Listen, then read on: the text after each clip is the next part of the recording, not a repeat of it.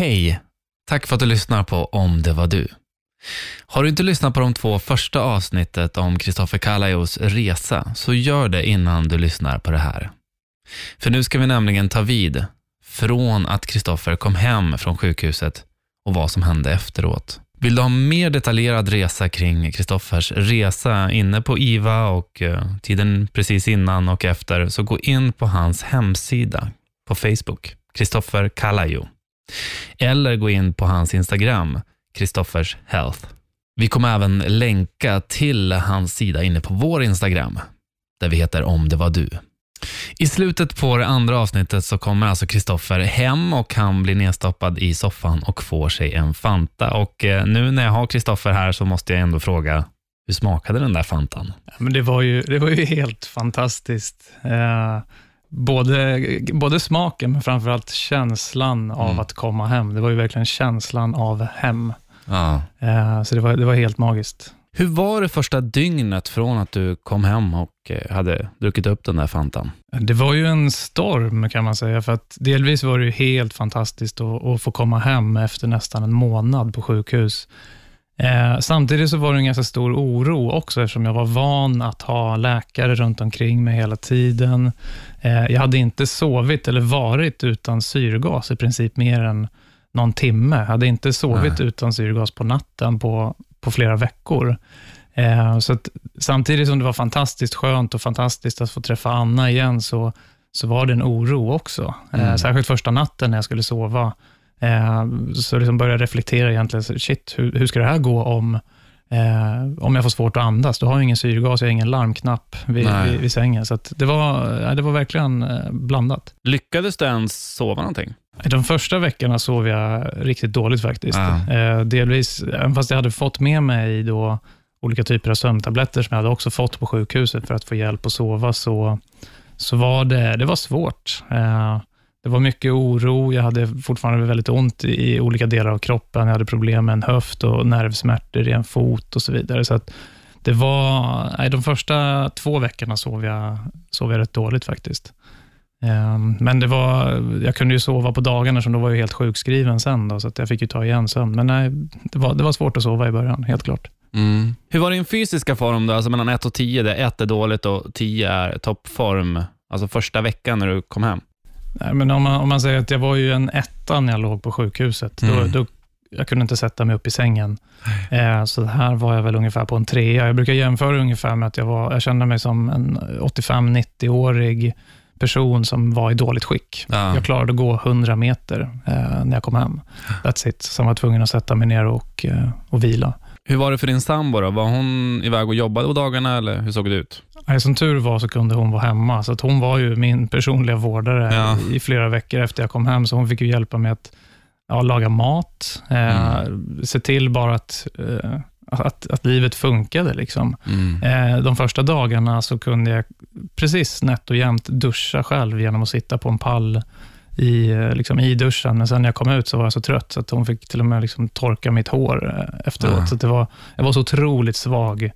Ehm, så det, det kändes ju också, det var ju fruktansvärt. Det var ju liksom väldigt utlämnande helt enkelt, att inte riktigt klara sig själv. Mm. Eh, någonting som jag aldrig liksom har upplevt förut. Nej. Och du, du, du, du berättar ju också i historien som vi har fått höra i avsnitten här att eh, för första gången i livet så, så kände du att det, det kan vara du nu som, som dör. Mm. Och det, var, det, det träffade mig väldigt hårt. Alltså, att, för, alltså vi bor ju i ett sånt säkert land på något sätt. Eh, jag tänkte en gång när jag var på savannen, så här, att möter jag ett lejon nu? Det här är första gången som jag faktiskt kan möta någonting som faktiskt så här, mm, den där människan ska ta och äta upp. Liksom. Och det är ju inte ens, jäm- går inte att jämföra med att ligga i det rummet där du befann dig liksom, och känna de tankarna om att okej, det är ett virus nu i mig som faktiskt som kan ta mig. Liksom. Mm. Har du kommit ut starkare ur det nu efteråt? Eller är det, liksom- du vet, som många Mm. så här, att coacher säger att man säger, ja men det som inte är död, what doesn't kill you makes you stronger. Kan du ens relatera till det eller känns det bara Ja, från? men, nej, men absolut. Alltså, om man börjar bara med känslan att, att man tror att man kan dö. Mm. jag har ju aldrig upplevt det tidigare i mitt liv. Jag har ju liksom känt mig odödlig, ja. som, som jag tror många andra också gör. Man tänker så här, det där hände ju bara någon annan. Ja. så det var första gången i mitt liv som jag ens reflekterade över, shit, det här det kanske inte går vägen. det, här kan, det kanske slutar här. så det var ju såklart det var ju fruktansvärt att ens tänka de tankarna. Och det, mm. det slår ju, det slår ju liksom djupt in i, in i själen. Uh, men sen efteråt, ja, jag kan absolut relatera till det som inte dödar, det, det här där. För att mm. Nu när efteråt, när jag kommit ut ur det här, alltså, det ger ju ett perspektiv på livet, att uppskatta något helt annat. Ah. Uh, jag stressar inte alls lika mycket för sådana ytliga saker som jag stressade för tidigare. Och, Eh, jag lever mitt liv annorlunda, helt klart. Eh, så att, så att ja, jag känner mig mentalt starkare. Sen är jag fortfarande inte fysiskt starkare, men jag är övertygad du ser stark om... Ut. Du ser stark ut. Tack. Jag är övertygad om att jag kommer komma dit också. Mm. Eh, så, men det tar tid och det gäller att ha tålamod och, det är mycket kämpa, helt klart. Hur lägger du upp din vecka? Har du skrivit något schema på så här, okay, minst varje dag ska jag göra det här, eller varannan dag? Eller hur? Ja, men nu har jag precis börjat få träna med en PT, vilket är fantastiskt. Mm. Så vi har lagt upp ett program, ett ganska aggressivt program för mig nu. Och nu har jag tränat eh, hårt själv i sex månader efter jag kom hem från sjukhuset. Så det, det är nog inget jag rekommenderar andra covid-patienter kanske, om man inte har pratat med läkare först. Men nu kör jag sex, tanken är att jag ska köra sex pass i veckan. Uh. Eh, lite kortare pass, då, blandat styrka och kondition. Så morgonen börjar med en, eh, ett träningspass på en 30-40 minuter innan jobbet. Eh, och Sen uh, ungefär vid, vid nio tiden sätter jag igång och jobbar. Nu jobbar jag hemifrån, mm. som tur är. De flesta uh, av mina kunder och mina kollegor jobbar hemifrån, så det funkar bra. Mm. Och Sen på kvällen så är det kanske till och med en promenad till, eller uh, någonting liknande. Så det är ungefär så dagarna ser ut. Så det är mycket fokus på återhämtning och träning och det låter, som mina, det låter som mina veckor i mängd träning jag gör, men jag ska försöka jag, ska lära av dig. eh, men, men vad är det här för projekt då? Är det någonting som du står för själv eller med PT? Och kan inte det skena iväg kostnadsmässigt, tänker jag? Eh, det här är ju via TV. Eh, ja, så jag tänkte, det, det är, att det var någonting. Alltså. Exakt, så det är ju i ett program som heter Malou efter tio, mm. som har då en fokus på, på corona och återhämtning helt enkelt. Så att, så jag är med i några avsnitt och berättar lite om min historia och sen Eh, jag och en annan tjej får träna då med, med en väldigt bra PT under hösten för att liksom balansera tillbaka kroppen och återhämta oss. Så att, som tur är så är det inte jag själv som behöver bekosta det. Bra. Bra. Eh, och det kan man följa under hela hösten på eh, ja, Malou efter 10 på TV4. Tror du att du någonsin kommer att nå ett tillfälle där du känner att nu är jag helt återställd? Ja, men jag, jag har en stark tro till det, absolut. Mm. Eh, sen trodde jag att det skulle ske tidigare. Jag hade räknat med, när jag eh, kom hem i, i mitten av april, då tänkte jag att mitt mål var att ja, men sista augusti, då mm. vill jag vara eh, helt återställd. Nu är vi i mitten av oktober och eh, det, jag är fortfarande inte återställd helt och hållet, men jag är extremt tacksam att jag kan träna upp till sex gånger i veckan mm. eh, och att jag kan jobba full tid och att jag lever ett helt normalt liv igen, även fast det liksom är energinivån går fortfarande upp och ner och vissa dagar är jag väldigt trött. Men, mm. men det är här, jag är väldigt glad och tacksam för att vara där som jag är idag. Du som har varit så nära döden man kanske kan vara när det kommer just inom eh, den här pandemin. När du ser eh, nyheter nu, alltså där man plockar upp liksom filmklipp från olika uteställen där folk dansar tätt och du hör om studentfester i Uppsala och vad det nu kan vara. Va, va, hur känner du då? Jag blir ju förbannad. Eh, jag kan ju inte förstå att man inte ser det, det som jag ser nu. Då. Det, samtidigt så har jag förståelse att ingen kan ju förstå vad jag har gått igenom eh, mm. och vad de som är riktigt sjuka faktiskt går igenom. Men det som, det som jag blir arg på, det är också att medierna rapporterar inte de bitarna. Det är väldigt mycket fokus på äldre och multisjuka och det är klart att det, det ger ju en falsk trygghet till yngre människor att äh, det är lugnt, det är mm. väldigt liten risk att, att just jag skulle bli sjuk. Då. Eh, så att nej, jag, jag, blir, jag blir arg. Mm. Eh, jag tycker att folk har för dålig respekt för det här. Eh, och Jag tycker väl att vi i vissa fall också skulle behöva införa lite hårdare rekommendationer också. Jag Mm. tänker till exempel kring munskydd, som, som jag inte kan förstå varför det ändå inte finns en rekommendation. Tvång kanske är för långt att gå, men åtminstone en rekommendation att använda munskydd när du är ute och rör på dig. Mm. Jag är den enda i princip, när jag, de få gånger jag åker buss eh, eller, eller tunnelbana, som jag ibland måste göra, då, jag är i princip den enda som Mm. sitter med munskydd och, och, och solglasögon för att skydda ögonen också. Ja. Vad har du lärt dig från din tid på intensiven? För det är ju verkligen en plats man aldrig sett och aldrig förhoppningsvis kommer att få besöka. Men du som har besökt det, vad har du lärt dig därifrån? Ja, det som var, liksom, blev extremt tydligt för mig, jag trodde ju att när man kommer in på intensiven, då kommer man in och sen blir man botad och sen går man därifrån och sen är man frisk eh, och kry. Eh, och det är i själva verket inte alls så som det funkar, eh, har jag fått lära mig, utan man är, är så extremt mycket sämre skick när man kommer ut från intensiven än när man kom in. Eh, när jag kom in, ja, visst, jag hade svårt att andas och så vidare, men kroppen var ändå funktionell. Jag, jag kunde sitta, gå, stå. Eh, när jag rullades ut från intensiven, då kunde jag sitta upp på egen maskin i ungefär 30 sekunder, eh, Mm. lite mer. Så att vad det handlar om, det är ju i princip köpa sig tid att överleva, eh, så att kroppen själv kan faktiskt bryta ner det här viruset. För det finns ju fortfarande inget, ingen medicin, inget Nej. botemedel mot det här, så det är kroppen själv. Och det är ju det intensivvården faktiskt handlar om. Och det var, det var verkligen en ögonöppnare för mig. Hur, hur, är det för, hur var det där inne när det kommer till den här viktiga personliga kontakten med folk? Du vet, du hade ju de hade ju skyddsmasker på sig. Det var ju precis som du sa, beskrev det själv, alltså att det var som att i en andra världskriget film, liksom, stundtals. Liksom. Alltså, men hur var den här, det, det ska vi se om jag kan hitta orden här. För mig om jag hade legat där, just att få de här bekantskapen med de här. För jag kan tänka mig att deras uppdrag, det är att hålla dig vid liv. Inte att sitta och prata och lugna och stötta och ge hopp. Hur jobbade de där, liksom, när det kom på just på intensiven?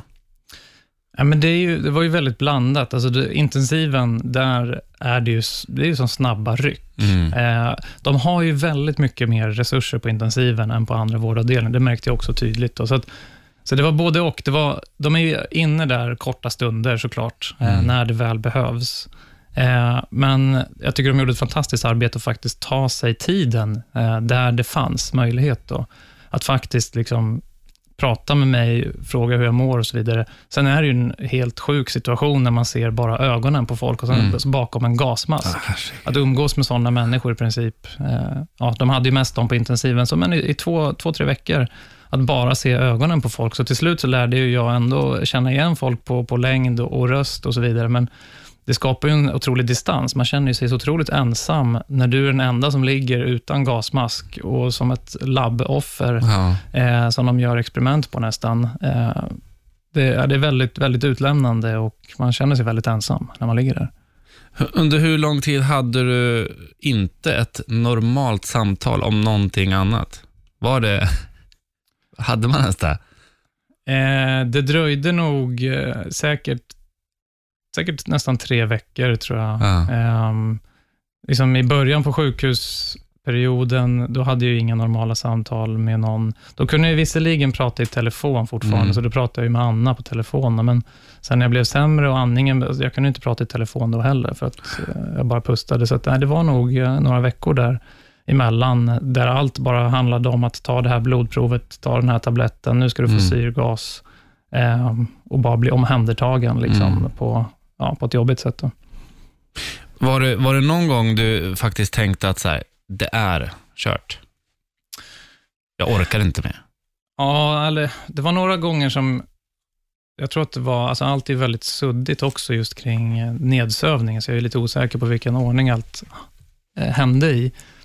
Men jag blev ju nog lite paranoid också av alla sömnmediciner. Eh, Så Mm. när jag precis hade vaknat upp och hade väldigt svårt att andas, så märkte jag att jag blev väldigt, väldigt orolig eh, när läkarna gick undan, två, tre stycken, och liksom överlade. Liksom, så. Nu tänker jag att, Ah. okej, nu ger de upp. Det här är kört. Ja. De tror inte att det här kommer gå längre. Eh, jag hade hört talas om att liksom, ja, men ibland måste man avbryta vården, Ja. för att det inte finns någonting att göra. Så att där var några tillfällen som jag trodde så här, shit, nu, nu tänker de att det är kört. Åh, herregud. Usch.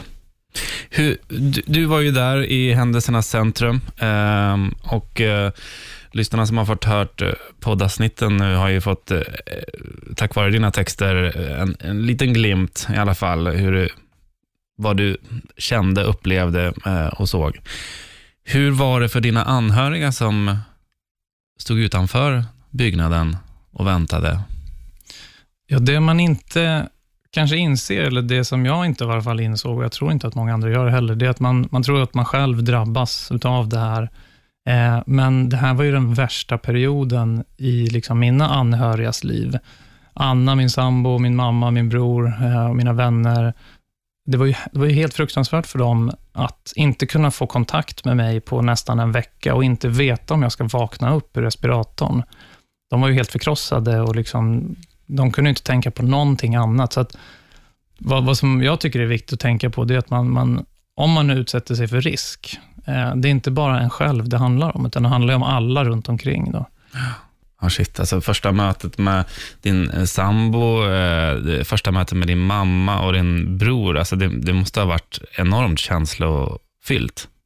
Absolut. Samtidigt väldigt konstigt, för vi kunde inte kramas eller någonting. Nej. Utan det Nej, var liksom, man, skulle, man skulle ge någon typ av eh, lufthälsning på distans. Och det var helt obskyrt. Man skulle Ah. egentligen bara vilja... Ja, men Anna kramades vi ju såklart. Det där, Mm. där var det bara... Mm. Liksom, ja, det var helt fantastiskt. Samtidigt var det också väldigt konstigt. Hon berättade ju i efterhand att hon kände inte igen mig. Nej. Eh, Jag, var, jag såg så annorlunda ut. Liksom ansiktet var helt insjunket. Jag gick Mm. som en gammal gubbe. Eh, Det var ju också väldigt konstigt. Så hon, det var ju liksom blandade känslor för henne så att, att se mig i det skicket. Mm. Tänk, jag tänker på de som kommer hem och inte har någon som, Mm.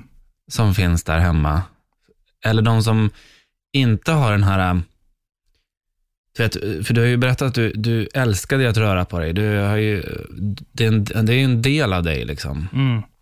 Så man tänker lite grann på de här som kommer hem, som har gått igenom samma sak, kommer hem och som inte har det där drivet, alltså att faktiskt börja trä, för, du vet, det där målet att faktiskt jag ska komma tillbaka i fysiskt bra form, jag ska liksom hoppa på det här med, eh, hos Malou nu med PT, jag ska liksom verkligen tillbaka. Alltså hur lång tid det måste ta för de människorna att också komma tillbaka till någon slags normalläge. Mm. Alltså mycket längre tid känns det som, i och med att de inte då kanske pushar sig själva att träna ensam och själv. Liksom. Mm. Nej men absolut, det var ju också en ilska hos mig och någon slags ja, frustration att jag fick ju i princip ingen hjälp eh, när jag kom hem från sjukhuset. Nej. Eh, jag har pratat med min sjukgymnast i efterhand och hon berättade att nej, men vi hade faktiskt ett samtal om att nej, men vi, kan, vi kan försöka ordna någonting till dig eh, när du kommer hem. Jag har inget minne av det där och då vill jag bara komma hem. Men sen var det liksom ingen uppföljning, så att jag fick ju ta tag i det helt på egen hand och det, och det var ju så tidigt det här, Mm. så det fanns inga rutiner för rehabilitering eller hjälp eller någonting. De visste ju knappt om de fick skriva ut mig, för det fanns, jag var ju nästan Nej. först in och först, först ut. Ja.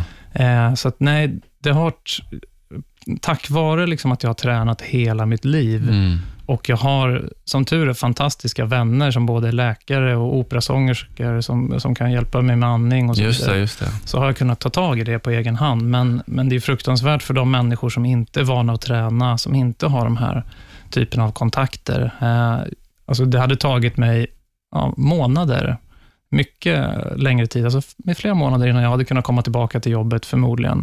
Och det är ju en enorm psykisk eh, liksom kostnad, psykiskt lidande och ekonomiskt också för samhället. Så Mm. det känns som det är bara win-win att hjälpa folk tidigare när man kommer hem från en sån här, Faktiskt. sån här grej. Kristoffer, jag vill tacka dig så eh, väldigt mycket. Dels för att vi har fått eh, berätta en del ur din historia eh, och vi vill påminna också att eh, om man vill läsa den här i sin helhet, vilket jag tycker att man verkligen borde göra, där man då även får följa din sambo Annas eh, sida av det hela. Eh, då går man in på din, är det fortfarande din Facebook-sida? Facebook funkar bra. Jag har också ett Instagram-konto där jag lägger upp eh, delar av min återhämtning. Så att Och vad heter du på, på, på Instagram? Christophers Health. Kristoffers hälsa på engelska. Eh, gå in där och eh, annars på Facebook, då är det Chris- eh, Kristoffer Kallajo. Eh, än en gång, tack så hemskt mycket för att vi fått berätta din historia.